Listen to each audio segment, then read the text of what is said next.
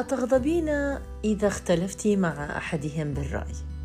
هل تحبين أن تفرضي نفسك على الآخرين؟ هل تحبين أن تقولي شيئا ولا تتراجعين عنه حتى لو كنت تشعرين بأن ما قد قمت به أو ما قد قلته خاطئا؟ هل لديك تصادم فكري كبير مع الآخرين؟ كيف تعالجين الاختلافات؟ دائما تكون اختلافاتنا سبب كبير جدا ومهم في قوتنا كمجتمعات. نتصادم فكريا نختلف في الأفكار نختلف في الطروحات والأيديولوجيات ولكن لا يجب بأي شكل من الأشكال أن تجعلنا هذه المساحات من الاختلاف تجعلنا عدوانيين. لابد أن نتقبل الآخر كما يتقبلنا الآخرون.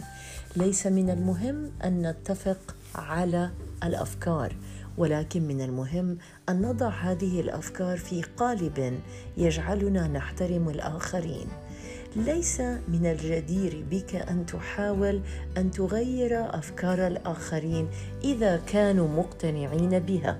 المهم بك أن تطرح أفكارك بصورة لا تجعل الآخرين ينفرون منك.